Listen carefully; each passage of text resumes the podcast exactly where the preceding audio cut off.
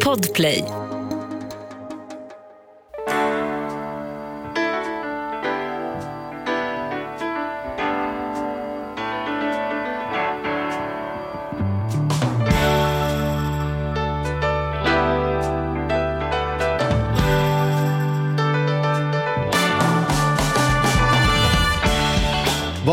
Ekonomi på riktigt utan Charlie, utan Mattias och utan med jämna mellanrum Arturo Arkes? Vi ger dem en applåd! Jo!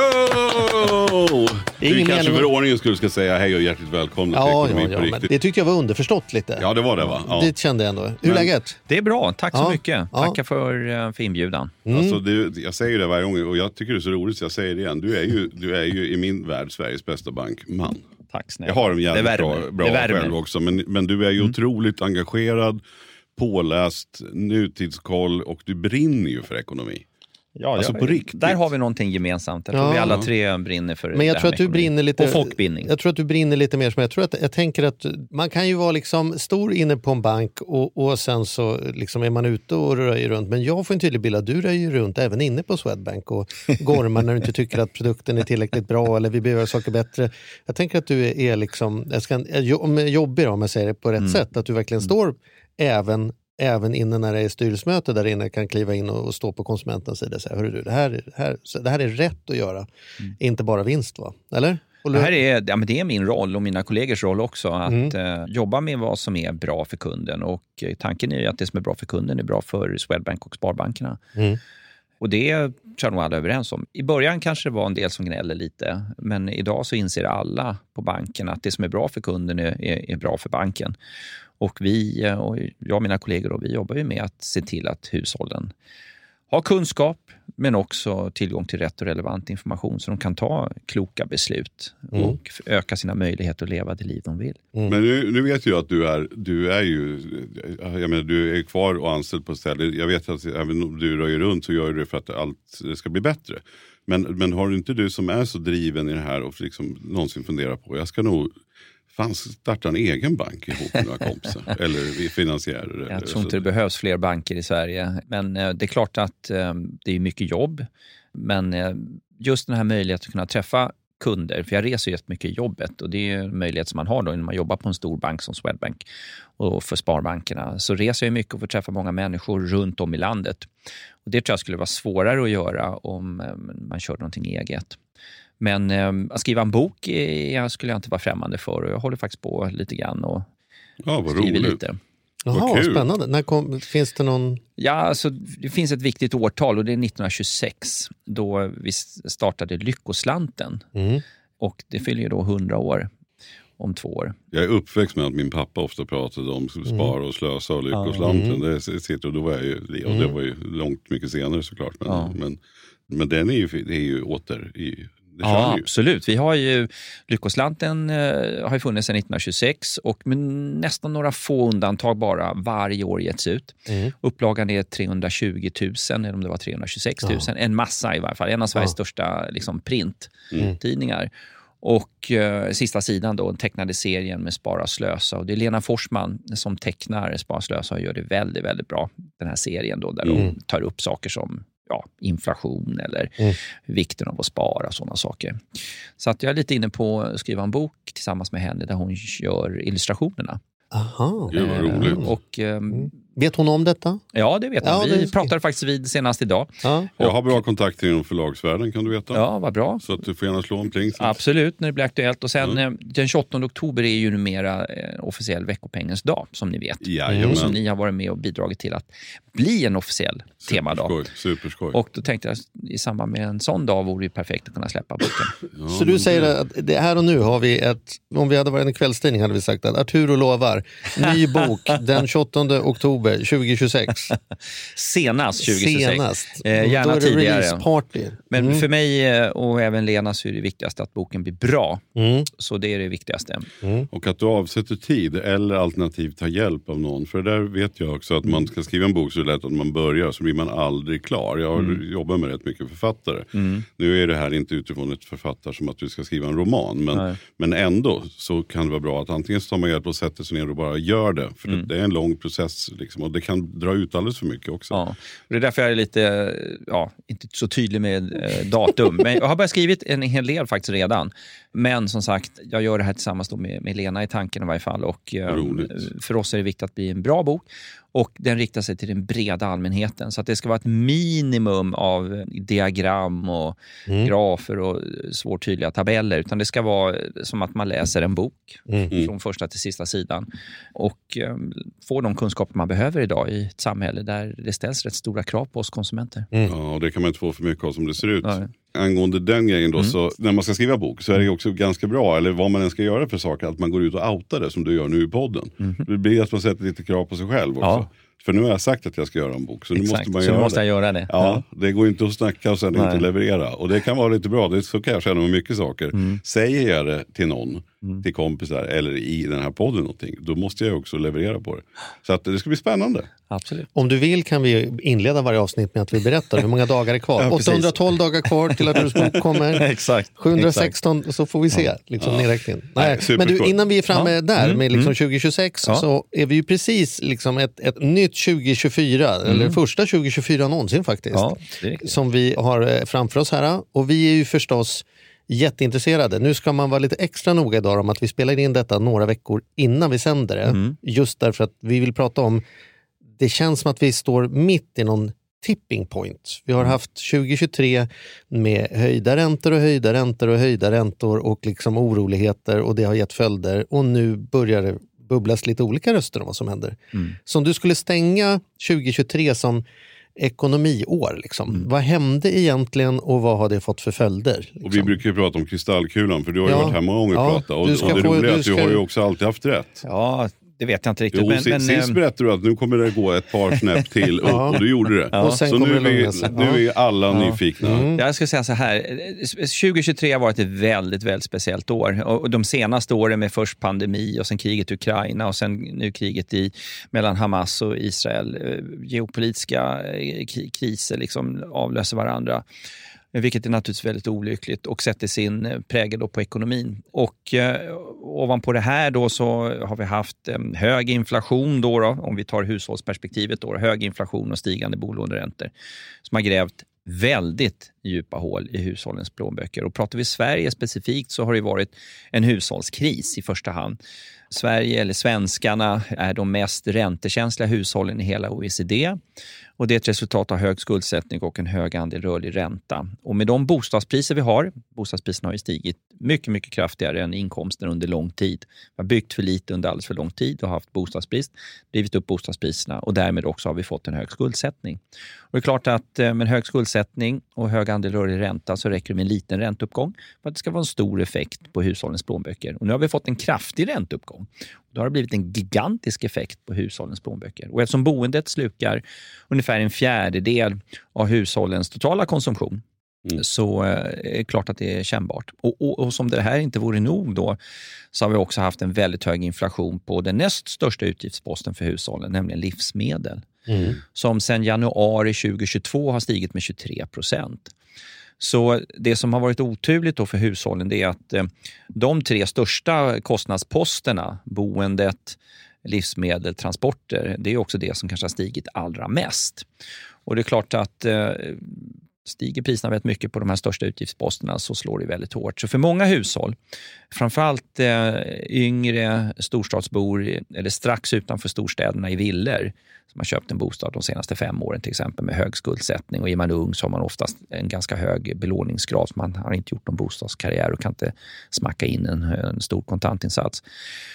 De har ju fått eh, ställa om sin ekonomi rejält under 2023. Hur, men hur märker ni det utifrån att du är på en bank? Mm. Alltså, hur, hur, hur, hur märker ni det här i vardagen? Är det ringer folk och säger att vi kan inte betala, vi, kan, vi måste få amorteringsfritt i någon månad? Ja, det har vad? ju ökat betydligt. Då, då. Och, de, och de som, eh, man kan säga så här lite förenklat, om man tittar på hushållen. Då, om man ska försöka sammanfatta situationen för hushållen då, 2023 då, så kan man säga att en femtedel av hushållen de lever med små eller inga marginaler.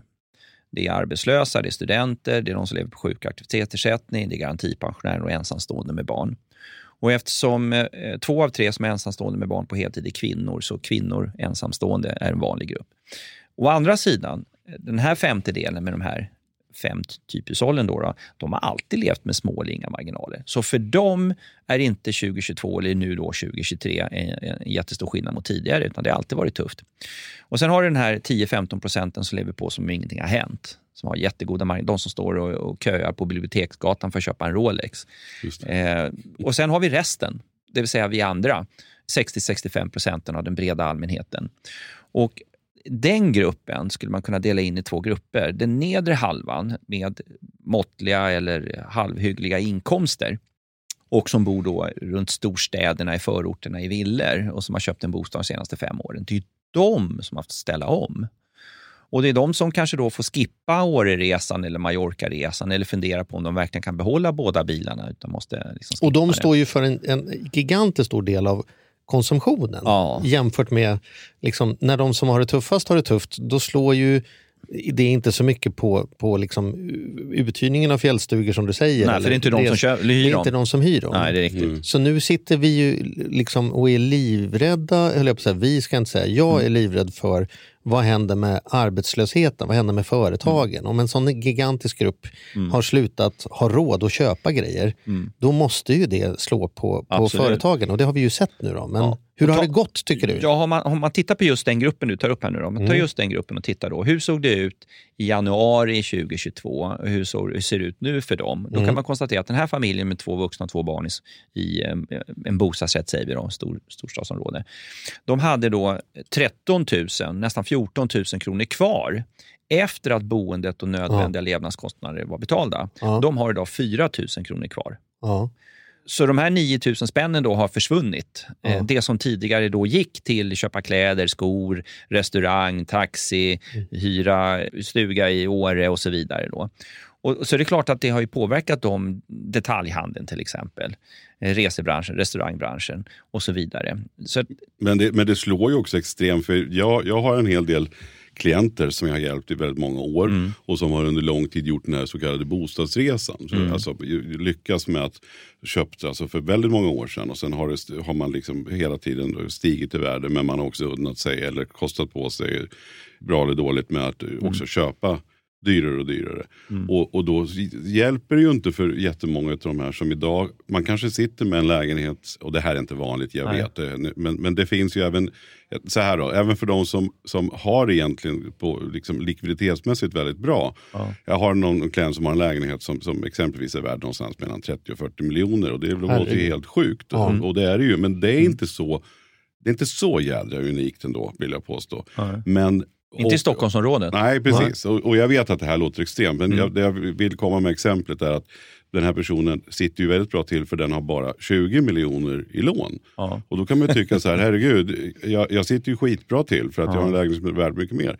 Men i det här fallet nu så, så eh, kan inte den här klienten klara av att betala vad det kostar. Mm. För räntan blir för hög. För, vad blir räntan på 20 miljoner? Inte, vad betalar ja, alltså, man i månaden person, då? Personen har, liksom tjän, har ju alltid tjänat bra men det är ju bostadsresan som har varit varit det fantastiska eller konstiga eller dumma. Mm. Men, mm. men faktum är att man måste tjäna ganska mycket pengar i månaden för att ja. kunna betala en ränta på 20 miljoner. Vad blir räntan på 20 miljoner ungefär? Ja, det kan vi bara räkna lite snabbt där. Jag kollade faktiskt vad den genomsnittliga bolåneräntan var här nu och i genomsnitt så betalar hushållen idag 4,7 procent i ränta ungefär. Och betalar du det på de här, eh, vad sa att han hade i lån, 20 miljoner? 20 miljoner. Ja, det är ju extremt mycket pengar. Då pratar vi alltså om att man har räntekostnader för ränteavdrag på 940 000. Mm. Och eh, du har ju ränteavdrag på 30 procent på de första 100 000 och på överskjutande del är det 21 procent i ränteavdrag.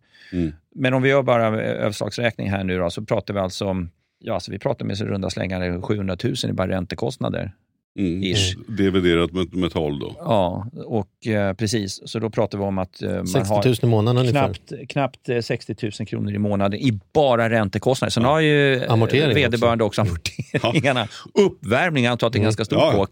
Uppvärmning. Så då mm. förstår man ju allihop att eh, det där är inte lätt att dra. Och även om man har 4-5 miljoner vilket, och, och, och, på en lägenhet som är värd 10, mm. vilket kanske fler kan känna igen sig, även om det är också en exklusiv. Det räcker ju inte med man kan sitta och vara så stolt över att jag har ett övervärde på 4-5 miljoner. För det är nej, ändå nej. Och, och, och, det jag menar här hela månadslönen för ja. en av de två går ju åt. Liksom. Ja. Exakt, och det jag menar, poängen är ju att även de det här slår ju oerhört mycket. På och de här personerna som har suttit i sådana här situationer med Ja. en ränta på 0,8 Ja. då har man ju kunnat varit ganska nöjd och tyckt att livet är ganska enkelt. Ja. Och, men det slår ju på alla delar. Mm. Givetvis inget synd om de här personerna själv då. Liksom. Så att, men jag bara menar, jädra vad det blir effekter åt alla håll. Liksom. Hävstången slog åt båda hållen. I takt med att räntan gick ner för några år sedan Mm. eh, så är det klart att det blev en enorm hävstång. För, Och då är det lätt att köpa på sig. Precis. I takt med att bostäderna går upp hela tiden. Men lärdomen är att den här hävstången slår åt båda hållen. Mm. Och jag, jag då som är en, en av de ekonomer som tycker att våra eh, amorteringsregler är bra.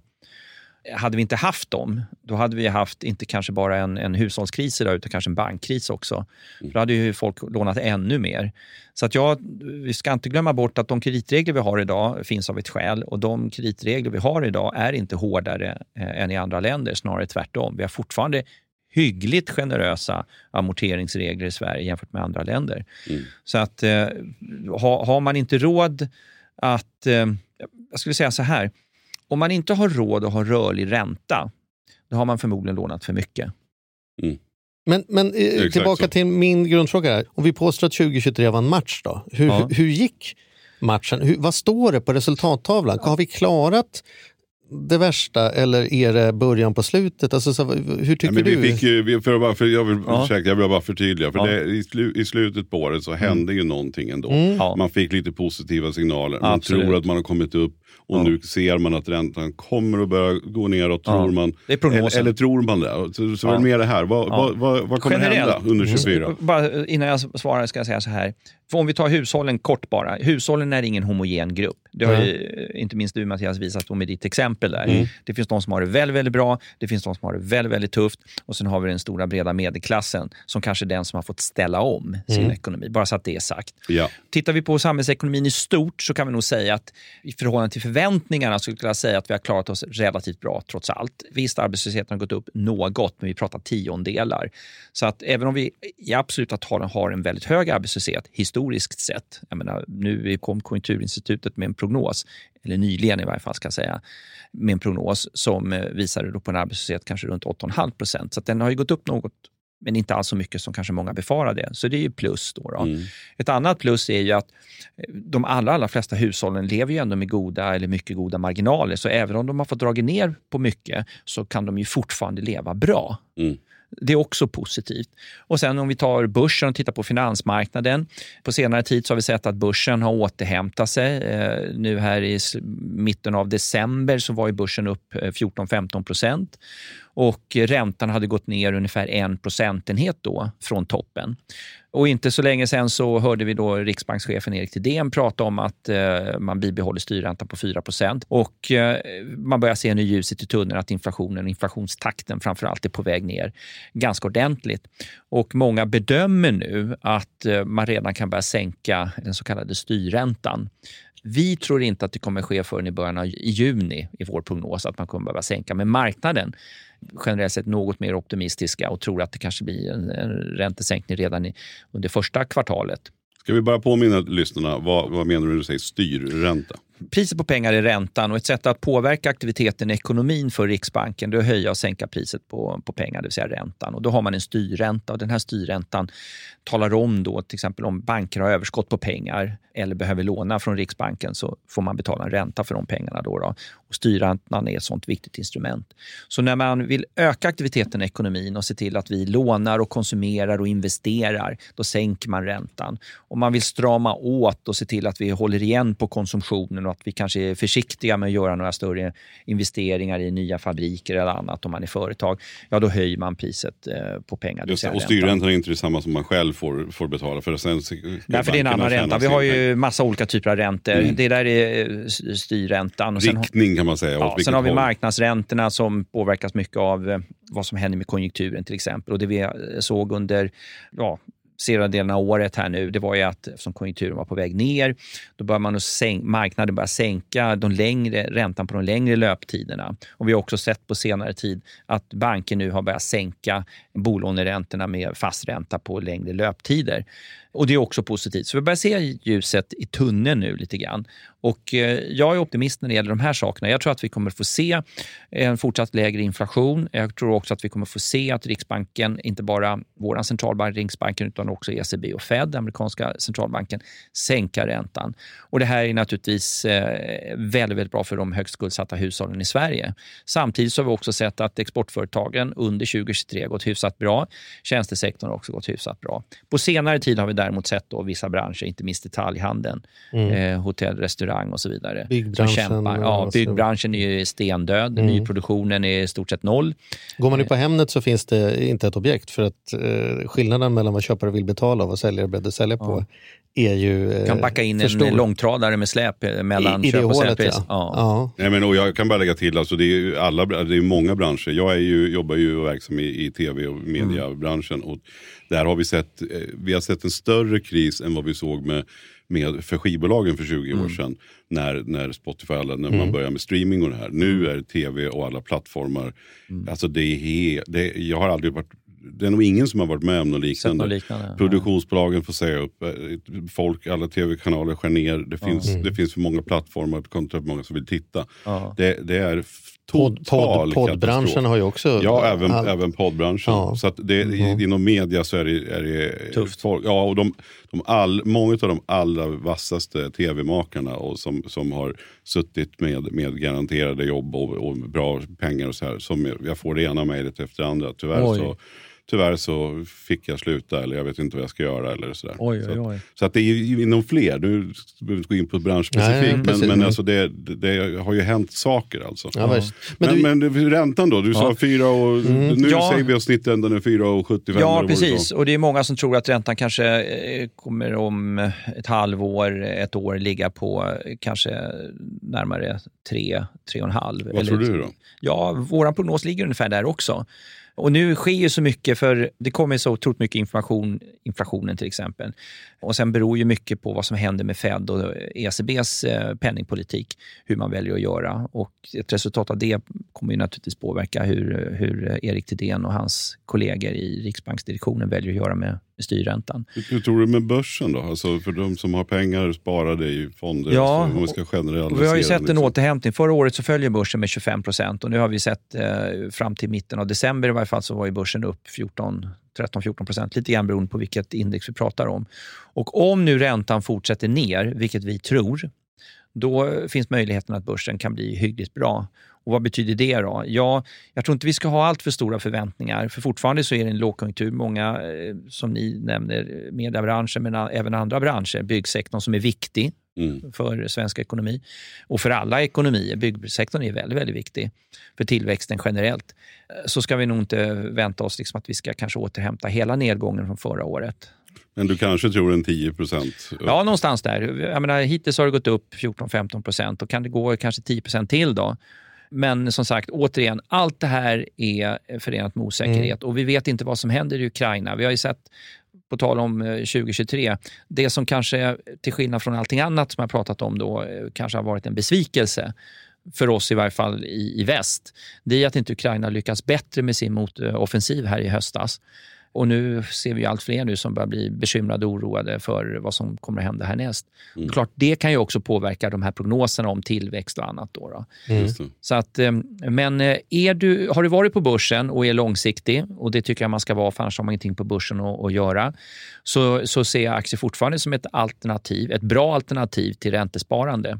Å andra sidan, man ska inte ha alla sina pengar på börsen utan ett, eh, en rätt balans mellan eh, räntebärande och aktier är viktigt. Och för de allra flesta betyder det ungefär kanske 60% aktier och 40% räntebärande.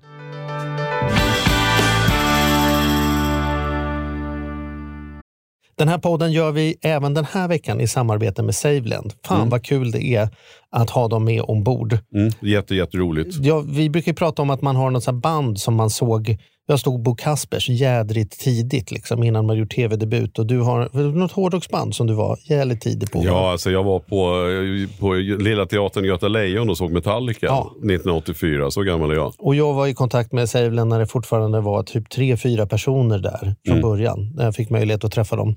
Eh, och nu är de ett stort bolag, fyller tio år, finns på börsen och jobbar helt enkelt med att vanliga privatpersoner och företag kan investera pengar eh, i eh, lån och krediter. Mm. Så man får riktigt bra ränta. Så eh, det rullar på efter tio år, bättre än någonsin. Fantastiskt kul att ha dem med här i podden. Mm. Gå in, testa, kolla. Vi ja. har en kod som gör att om du öppnar ett konto och använder på riktigt får du dessutom en insättningsbonus just nu. Precis, och vill man veta mer så som sagt gå in på saveland.se. Man kan också lyssna på Ludvig som har varit gäst i vår podd två gånger. Då får ja. man en ännu bättre inblick ja. i vad, vad det är de pysslar med egentligen. Men ja, saveland.se och stort tack. Ett poddtips från Podplay. I fallen jag aldrig glömmer djupdyker Hasse Aro i arbetet bakom några av Sveriges mest uppseendeväckande brottsutredningar. Går vi in med hemlig telefonavlyssning och, och då upplever vi att vi får en total förändring av hans beteende. Vad är det som händer nu? Vem är det som läcker? Och så säger han att jag är kriminell, jag har varit kriminell i hela mitt liv men att mörda ett barn, där går min gräns. Nya säsongen av Fallen jag aldrig glömmer på Podplay.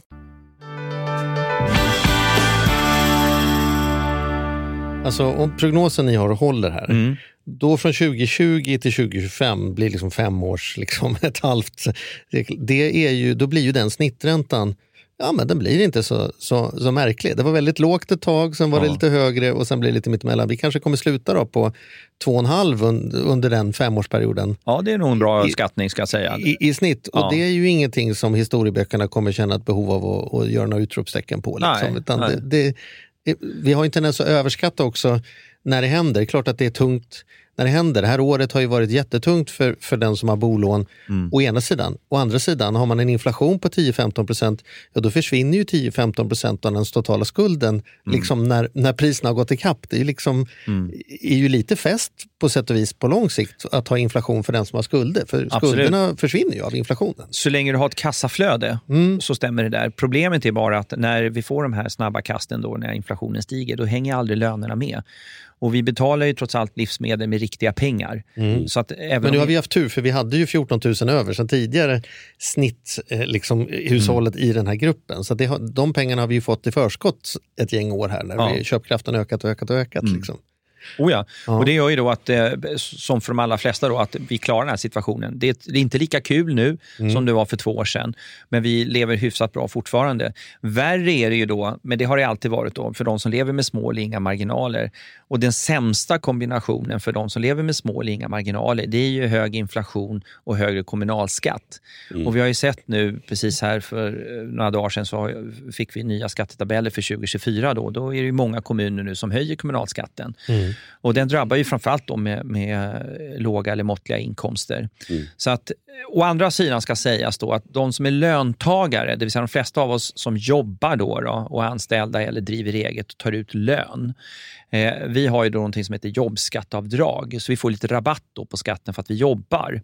Och tittar man då, vilket jag gjorde eh, nyligen, om du tittar då på vad som händer med eh, liksom, köpkraften för hushållen. Vi tittar på okay, vad är den förväntade löneökningen under 2024 och så tar vi hänsyn till vad händer med skatten. Och Skatten då för låg och medelinkomsttagare kommer att minska genom att man höjer jobbskatteavdraget och sänker skatten då för låg och medelinkomsttagare. Och nettoeffekten av det där ser ut att bli ungefär 200-300 kronor plus för de 30 vanligaste yrkesgrupperna. Mm. Grundskollärare, förskollärare, Eh, Influencers? Sjuk...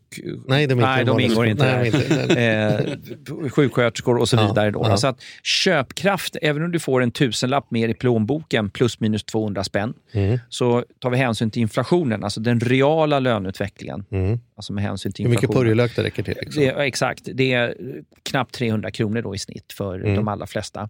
Så det är det, det, som händer. Men det oaktat då om du bor i villa med massa lån eller om du är ensamstående med tre barn och har jättemycket livsmedelskostnader. Då har vi bara tittat på din inkomst och vad som händer med köpkraften med inkomsten. Men sen behöver man ju ta hänsyn till den andra delen, då, våra utgifter. Och inflationen är individuell. Det kan vara bra att ha sagt när vi mäter inflationen, då, då, har vi en korg av varor och tjänster som återspeglar hur vi konsumenter konsumerar. Så om vi lägger 24 procent av vår totala konsumtion på boendet, då får boendet en vikt på 24 procent i den här korgen. Lägger vi 13 procent på livsmedel, då får den en vikt på 13 procent. Men hur våran konsumtion ser ut varierar ju från, från person till person eller från familj till familj. Mm. Så en familj då som har en villa som man köpt ganska nyligen, betalat väldigt mycket, har mycket lån. De, kan, de lägger inga 24 procent av sin totala konsumtion på boendet. De kanske idag lägger 40 procent. Mm. Så deras varukorg ser annorlunda ut. Mm. Om du är beroende av bilen och behöver köra fem mil eh, enkel resa eh, två gånger om dagen, liksom, då lägger man väldigt mycket på bränsle. Och lägger en stor del av sin inkomst på transporter. Så inflationen är individuell och beroende på hur din familj ser ut så, så drabbas man olika mycket. Och Det här är någonting som, som eh, innebär, eller kommer innebära då att för vissa hushåll 2024 så kommer man få en sämre ekonomi. Vi kommer in i året med en högre ränta. Som Charlie var inne på så såg vi hur räntan gick upp under 2023. Och nu börjar vi året med en högre ränta än vad vi hade i början av 2023. Och sen förhoppningsvis ska den här räntan ner. Men när året är slut 2024 då får vi ju se vad den genomsnittliga räntan var då jämfört med 2023. Mm. Och den kanske inte kommer skilja sig himla mycket. Dessutom är det ju så att väldigt många under 2023 hade ju ändå trots allt fast ränta, så de har inte omfattats ännu av den här ränteuppgången. Och när de här lånen ska villkorsändras, och det är en väldigt hög andel av eh, många bolåntagare som, som gör det. Sen har vi en annan faktor. Vi har eh, 1,1 miljoner bostadsrätter och 30 000 bostadsrättsföreningar. Och väldigt många av de här bostadsrättsföreningarna ska också villkorsändra sina lån.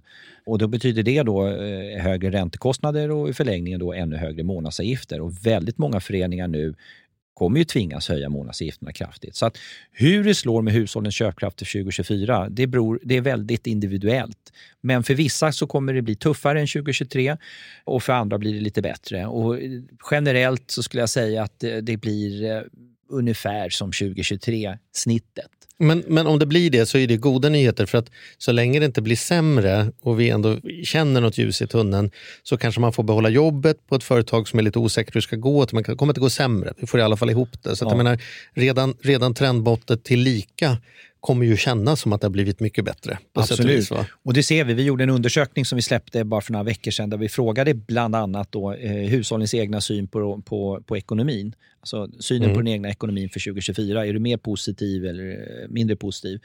Och det är fler idag som, är som tror att man kommer få en bättre ekonomi. Ungefär hälften tror på mm. oförändrad ekonomi och 23 procent trodde på en bättre ekonomi. och Den siffran var 17 procent förra året. Så att det är några fler som tror att det kommer bli en bättre ekonomi för 2024 jämfört med för ett år sedan. Men och hur är det med dem om man nu sitter i det här läget? Mm. För jag, det är klart att det är individuellt. Alltså, ja. Beroende på om man har valt rörligt och vilka som har bundit. och Vissa hade ju liksom flyt och band. Och mm fick betala lite mer till initial men sitter och är ganska nöjd nu. Ja. Men för alla som du säger, för det är ganska stor andel där man har just i dagarna mm. lån som faktiskt löper ut. Ja. Skulle du rekommendera att, att, som det ser ut nu då, att, att binda en gång ett varv till eller skulle du säga kör rörligt nu? Jag skulle säga så här, beroende på vem det är då, då. Om det är en person som lever med väldigt goda marginaler, både i relation till, alltså goda marginaler i ekonomin och sen har en låg skuldsättning, både i relation till bostadens värde och inkomstens storlek, skulle jag säga kör rörligt. Mm. Men om man å andra sidan då lever med små marginaler och har en hög skuldsättning, både i relation till bostadens värde och inkomstens storlek, då skulle jag säga att eh, bind eh, åtminstone delar av lånet på ett, inte längre än två år, max två år. Ett till två, förmodligen ett år skulle jag säga i så fall. Mm. För då har man inte råd att spekulera. Men jag skulle inte binda mig för fem år, även om det kan locka idag. Eftersom vi ser att eh, Ja, för de går ju, börjar gå De är lägre. Ja. ja. men de räntorna eh, på 3, 4, 5 års löptid till exempel är ju lägre än rörligt. Men vi tror ju att den rörliga räntan ska ner. Därav och det kan gå det ganska lägre. fort. Ja, men precis. precis. Och, och, och, så det kan vara dyrt. Om två år kan det vara dyrt att sitta med en femåring. Mm. Men du, det här med att det går fort. Mm. Finns det något belägg för påståendet att de här låg och högkonjunkturcyklerna som vi har mm. går bara fortare och fortare? Alltså, det, jag, jag, tycker inte det var så länge sedan man pratade om liksom, ja, under, under 90-talet var det så här. Fast det beror, det liksom, beror bara på att du blir äldre och äldre. Ja, är det det? Eller är det som att, för nu är vi mitt i en lågkonjunktur som vi ja. tror att vi snart är i botten på och, så, och den började ju typ för ett år sedan. Alltså, så här, ja. För att kunna läsa de här trenderna så måste man ha väldigt långa historiska liksom, perioder att titta på. Mm. Men, men, jag skulle nog vilja säga att eh, både eh, liksom politiker och centralbanker har blivit skickligare på, parera. på att parera och hantera de olika kriserna. För det är, det är liksom inga små kriser vi har drabbats av. Pandemin till exempel. Mm. Det var ju en gigantisk global händelse kriget i Ukraina och så vidare. Så att eh, jag skulle nog säga att man har lärt sig lite grann av eh, vi har ju ökat regleringarna också. Ta det här med bankerna till exempel. Eh, vi hade ju två amerikanska banker som inte för så länge sedan eh, gick omkull och som amerikanerna var tvungna att rädda och var väldigt tydliga med att liksom alla pengar är säkrade. Inte bara upp till insättningsgarantin utan alla pengar är mm. säkrade. Mm. Eh, och det finns en beredskap och en kunskap och en insikt över eh, att vi behöver ha en tillsyn, så behöver vara aktiv, vi behöver ha regleringar. Så att möjligtvis att man har blivit lite bättre på att parera de här grejerna. Eh, Men finns det en framtid där vi blir ännu bättre och därmed hög och lågkonjunktur kommer försvinna helt för vi har så automatiserade och eh, liksom analytiska verktyg som hela tiden, lite som farthållaren på bilen, ja. liksom att skriver jag in 122 km i timmen då blir det det hela vägen till Malmö. Liksom. Det är ju det man vill uppnå med en aktiv eh, och fristående centralbank till exempel med penningpolitiken och finanspolitiken. Men saken är den att det är lättare sagt än gjort. Och jag tror att, får inte glömma bort att ekonomi är en samhällsvetenskap som är beroende av miljoner beslut. Det är politiska beslut, det är ekonomiska beslut. Alltså det är massa människor. Men om Putin bestämmer sig för att invadera Baltikum, mm. jag menar, då kan vi glömma återigen allt vi har lärt oss i teoriböckerna och så får vi börja om från början. då. Så att jag tror att man ska vara ödmjuk och, och, bara vara glad och tacksam för att vi har klarat den här krisen så här långt i varje fall mm. väldigt bra efter omständigheterna. Det tycker ju förmodligen inte de som bor i Ukraina, mm. att man har klarat krisen bra, för där mm. är det ju en disaster. Mm. Men för oss som bor i Sverige och för västvärlden i stort efter omständigheterna så har vi mm. klarat oss än så länge bra. Men vi har inte sett slutet på, på eländet i Ukraina. Och vi har ju heller inte sett också de här geopolitiska förändringarna som vi ser nu, spelplaner med att eh, ryssarna börjar närma sig Kina och Kina börjar plocka in BRIC-länder och så vidare i sitt samarbete. Och sen ser vi då att eh, den här dolda krisen också mellan USA och Kina och över vem som ska ha liksom, makten. Ja, verkligen. Och jag, jag vill bara säga så här, jag, jag förstår vad du menar Charlie. Jag kan hålla med dig om att det går på det sättet du beskriver det snabbare. Men jag tycker att det här mörkret. Jag vet, alltså, vi har ju den tron och vi har alltid sett att allt ordnar sig. Men mm. just det här mycket det här snacket som vi har vid middagsbordet hemma. Att nu har det fan varit jävligt, ursäkta mm. jag svär, men det kan jag få kosta på mig. Otroligt mörkt ja. under lång tid. Sen, sen egentligen pandemin och lite tidigare. Mm. Det är mm. ändå med de här världsläget, med krigen, med Kina och, och inte minst Putin. Mm. och det här. Det, det, är ju, det är oroväckande. Och jag tycker mm. också med ja, men med våldet i samhället, om vi nu ska så här, bara så här, mm. dra ner perspektivet lite grann så är det ju jädrigt mycket, mycket som pågår. Mycket som, som är, o, ja, men det är olustigt. Mm. Sätta på nyheterna är ju inget roligt. Alltså. Det är, Sen är det en dimension till alla miljöutmaningar. Mm. Exakt. Så att lägger man ihop allt det här så, så, så finns det faktiskt mycket att oroa sig över fortfarande. Mm. Och även om vi kan sitta och prata om att ja, räntan går ner hit och dit. Absolut, visst. Men, men, om vi tittar på de stora penseldragen och tittar på geopolitiska risker, miljörisker och allt vad det nu är för någonting, mm. så har vi gigantiska utmaningar och eh, vissa människor och eh, länder har det ju fruktansvärt tufft just nu och det ska man ha respekt för. Men du, apropå att vissa har det tufft och andra har kommit undan billigare. Mm. Det höjs en hel del röster om att bankerna har kommit väldigt billigt mm. undan. Mm skott sig och gjort marginaler och svenska hushåll ja. går under. Och, men här finns det, liksom, delar du den kritiken du som sitter ändå på insidan ja. eller tycker du att den är orättvis? Eller? Ja, man säger så här. Det går ju bra nu. Ja, det går bra. Och, det kan ni, och, och vi bank, de flesta banker, inte alla, men de allra flesta banker i Sverige är lönsamma och i vissa fall väldigt lönsamma och vi är en av dem. Och det kan ingen förneka. Och det gör vi inte heller och inte våra konkurrenter som det går bra för också.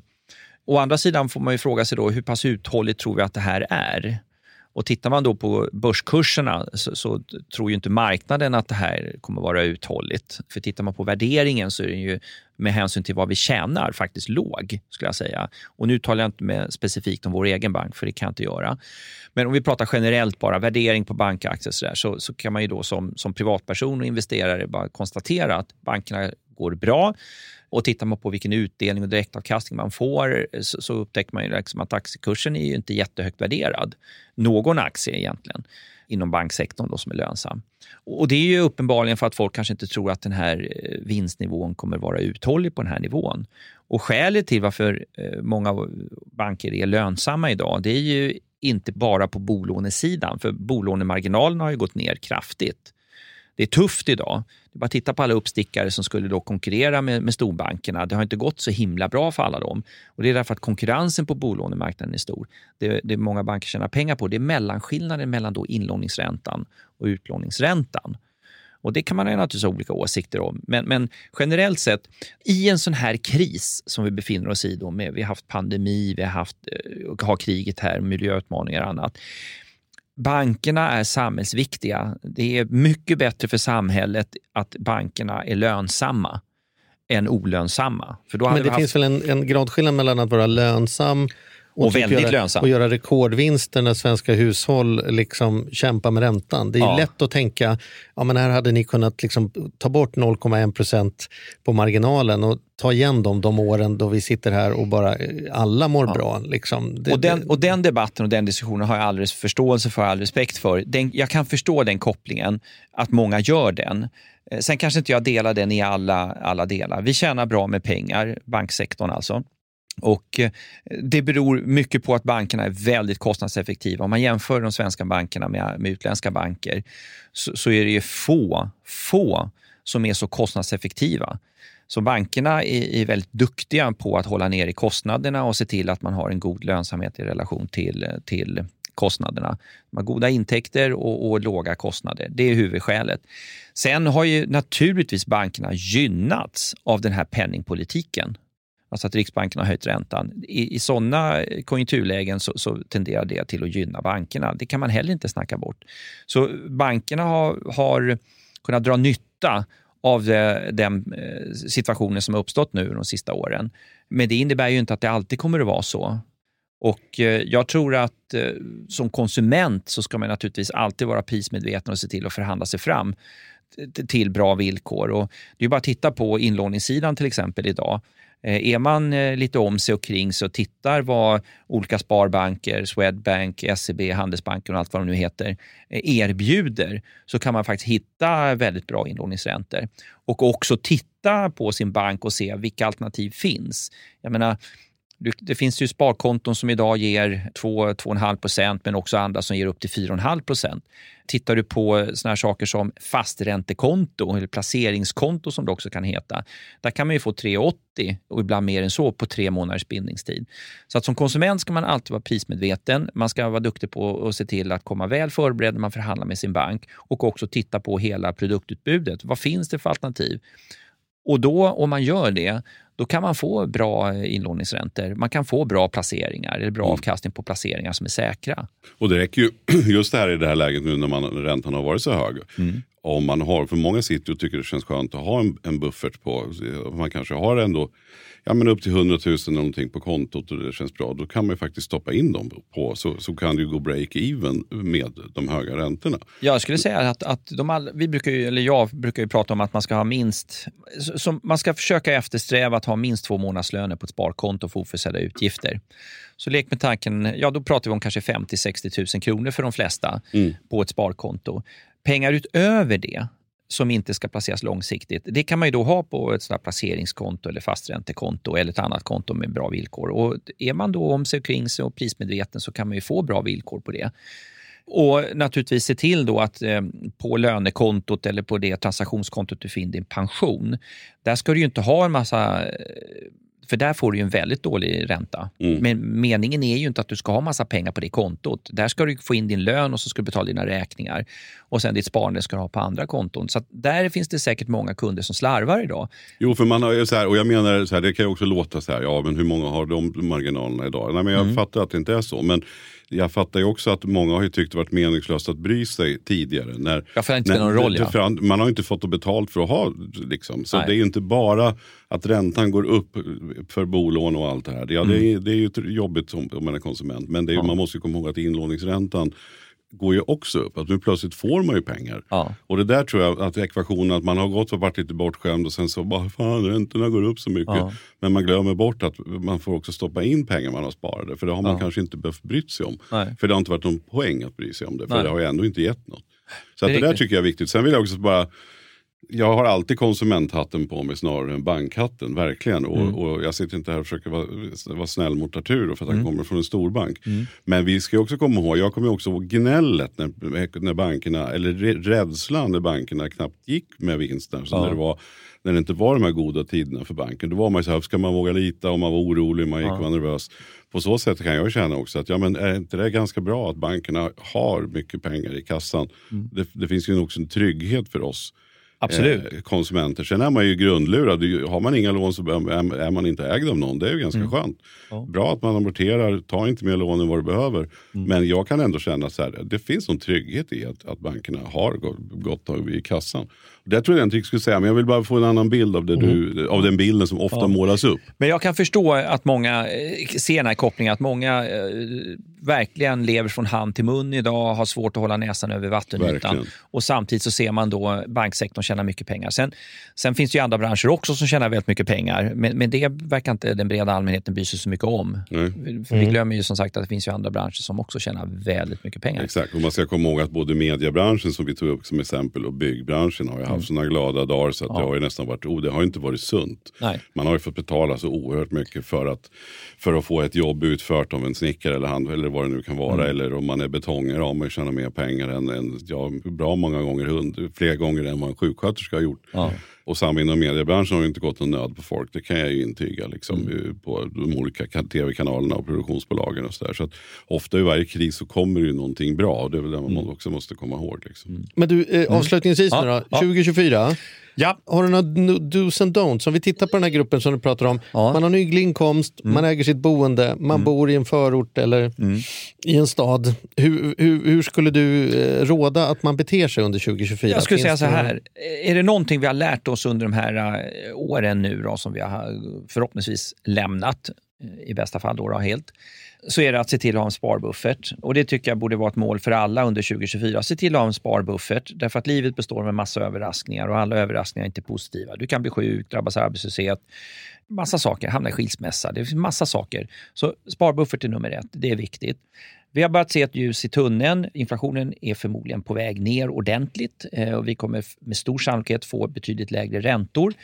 Hur snabbt de här räntorna kommer gå ner, det står skrivet i stjärnorna. Men i takt med att räntan går ner och trycket på hushållen minskar i form av lägre räntekostnader, sätt igång och börja amortera så att du inte är så högt skuldsatt eller så räntekänslig. Så att du slipper gå igenom det här en gång till. Det är en sån här grej som jag hoppas att alla hushåll har lärt sig. Nu har vi ju gått igenom det här, inte en gång till. Så gör en budget, se till att eh, liksom amortera om du kan. Se till också att ha det här sparandet. 10% av lönen varje månad in på ett sparkonto till dess att du har minst två månadslöner. Och har du pengar över eller hade redan pengar över redan sen tidigare då, fortsätt med ditt sparande. Se till att vara långsiktig, spara regelbundet och underskatta inte avgifternas betydelse. Det är de viktigaste lärdomarna. Och eh, som sagt, eh, ställ in det på att det går inte att utesluta att arbetslösheten i det korta perspektivet kan öka och att vi fortfarande har liksom en lågkonjunktur och att det kommer att vara tufft i vissa branscher. Så se till att du är med i a-kassa, jätteviktigt. Och har du en lö- lön över 33 000 kronor, se till att ha en inkomstförsäkring. Ha de här grejerna på plats, vilket jag tycker att alla borde ha. Då, då kommer 2024 eh, vara ett, ett, ett hyggligt år. Och kom ihåg då att å ena sidan vara beredd på att månadsavgiften kan gå upp, det, lånen kan öka och allt det här. Men Absolut. å andra sidan, din spåkula har ju aldrig varit fel så vi kan också se att räntorna kommer sakta men säkert gå ner. Ja, å andra sidan då, hälften av hushållen har inga lån. Så att det är inte alla som eh, kan dra några större nytta av det. Å andra sidan förhoppningsvis så har de inte varit lika pressade som de som har haft mycket lån. Precis. Så att eh, underskatta inte det här med eh, amortering. Det gör man för sin egen skull. För det sänker räntekostnaden, minskar den totala kreditkostnaden, ökar dina möjligheter att låna pengar i framtiden och eh, någonting till som jag glömt bort nu. Ja, men jag tycker vi säger ja, det låter amen, jättebra. amen på den. Ja, det, en, en sak som du sa i förbifarten som Ja. jag bara vill skicka med här. Mm. För att Jag tittar ju hela tiden på om jag kan hitta ett bättre boende. För att jag bara älskar boende. Liksom. Så att Hemnet-appen är ju liksom igång. Ja. Och då är det ju intressant att se att det är en, bland det som kommer ut är det en del saker som man inte sett tidigare. Rena katastrofer. Därför att jag kan läsa föreningens bokslut. Ja. Så du sa i förbifarten att avgifterna kan höjas, men Ja. jag tittade till exempel på en jättefin lägenhet. Problemet var bara att de hade eh, på, på bara ett trapphus 18 miljoner i lån, genomsnittlig ränta på 0,9. Allt skulle sättas om nu i Oj. januari. Oj. Och redan en avgift på en hyggligt stor trea på 7000. Och jag räknade ut att den där kostar ju 13 000 Ja. liksom, om bara några månader. Och mäklaren sa det kan inte stämma. Så visade jag hur jag hade räknat och så sa hon oj hoppsan, ja det kanske är så. Då är ju vår prisbild här helt osannolik. Så jag tror att om man inte är så säker på detta, Ja. titta på vad föreningen har för, för lån och när de lånen sätts om. För det kan ju vara en enorm Ja. skillnad som ska betalas. Och har inte föreningen förberett det och satt undan pengar i ladorna, då kommer ju och det är ju inte kul att köpa en lägenhet som kostar 5 000 i månaden som plötsligt kostar 15 000 i månaden för att man inte tryckte på den där pdfen som låg på Hemnet-sidan. Ja. liksom. Eller, eller också, absolut. Och för en sak är att en del kanske tycker på den här pdfen och, och ser årsredovisningen och så tittar man på den men man förstår inte det här som Mm. du tar, tar fram. Inte ens fastighetsmäklarna alla gånger förstår heller det här. Nej. Och Det du tar upp nu skulle jag säga är kanske den enskilt... Jag, om jag skulle gissa, vad kommer att bli liksom en stor snackis under första halvåret 2024 så tror jag är precis det du tog upp. Mm. Och Jag önskar att folk hade den här insikten och kunskapen som du tar upp nu Charlie, redan för ett år sedan. För då hade man kunnat undvikit då att köpa i de här föreningarna, för jag antar att du tackade nej till... Jag gjorde det. Ja, jag misstänker Eller låt skambud på 5 miljoner under utgångspris. Ja, och ja, exakt. Alltså, det det, blev här, inget. det här är det värt. Bara, men det kan du inte få. Nej, Nej, det fattar precis. jag också. Ja. Så, så att den här typen av kunskap är så otroligt värdefull och den hade jag hoppats på att fler hade tidigare så man inte hade Mm. fastnat i, i det här läget där man tvärtom flyttade in och nu drabbas och kommer att drabbas i början av 2024 av de här kraftiga höjningarna. Så jag tror att det du tog upp nu kommer vara, hoppas jag, och förmodligen också på gott och ont vara det kanske en av de mest frekventa artiklarna i tidningarna, i varje fall ekonomitidningarna under 2024. Jag Och då kan spår vi väl- och då kan att vi det bara blir summera- ett poddavsnitt i en nära framtid med Arturo skulle jag tro. Att vi får prata om detta. Ja, det tror jag också. Och vi kan väl gratulera för nytillkomna lyssnare i våran podd. För hade, hade, ni, hade ni varit med från början, då hade ni exakt vetat precis det här med pdf, Mm. hur det är viktigt att vara och kolla föreningens ekonomi. Så att eh, för er som är trogna lyssnare, vad bra att ni har lyssnat och förstått det. Grattis. För nya lyssnare, då vet ni vad ni ska undvika. Ja, härligt. Och vi vill bara säga Arturo, välkommen till 2024. Vi hoppas att du kommer hit flera gånger. Du ska veta att du är en av våra absolut mest uppskattade gäster. Ja, tack. Vi har det så bra nu för Både tiden. hos oss och det faktiska. Alltså, Ja, vad vi, kul. Mm. att vi gillar dig, det vet vi. Men, men ganska många hör av sig. Det är så roligt nu för tiden via Spotify att säga så här, ni ligger på topplistan och mina mest lyssnade. Så skickar de det som en liten hälsning för, till Ja, oss och säger så här, kolla här hur mycket jag har lyssnat på er under året. Och jag uppskattar det jättemycket. Framför allt med era återkommande gäster som Arturo. Så att det ska du veta att du, det är många där ute som, som eh, njuter lite extra när ditt Ja, namn dyker upp i rubriken. Får man ge lite allmänt råd till alla? Absolut. För jag kan tänka mig själv att datoran låter så jäkla sparsam och sådär. Och jag tycker det är, det är bra att vara sparsam, men aldrig på någon annans bekostnad. För då är man snål och ingen jävel vill leva med snåljåp.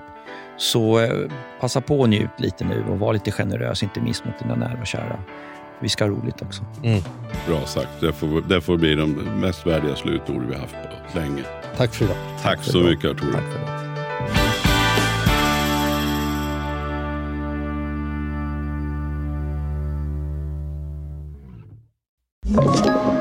Podplay.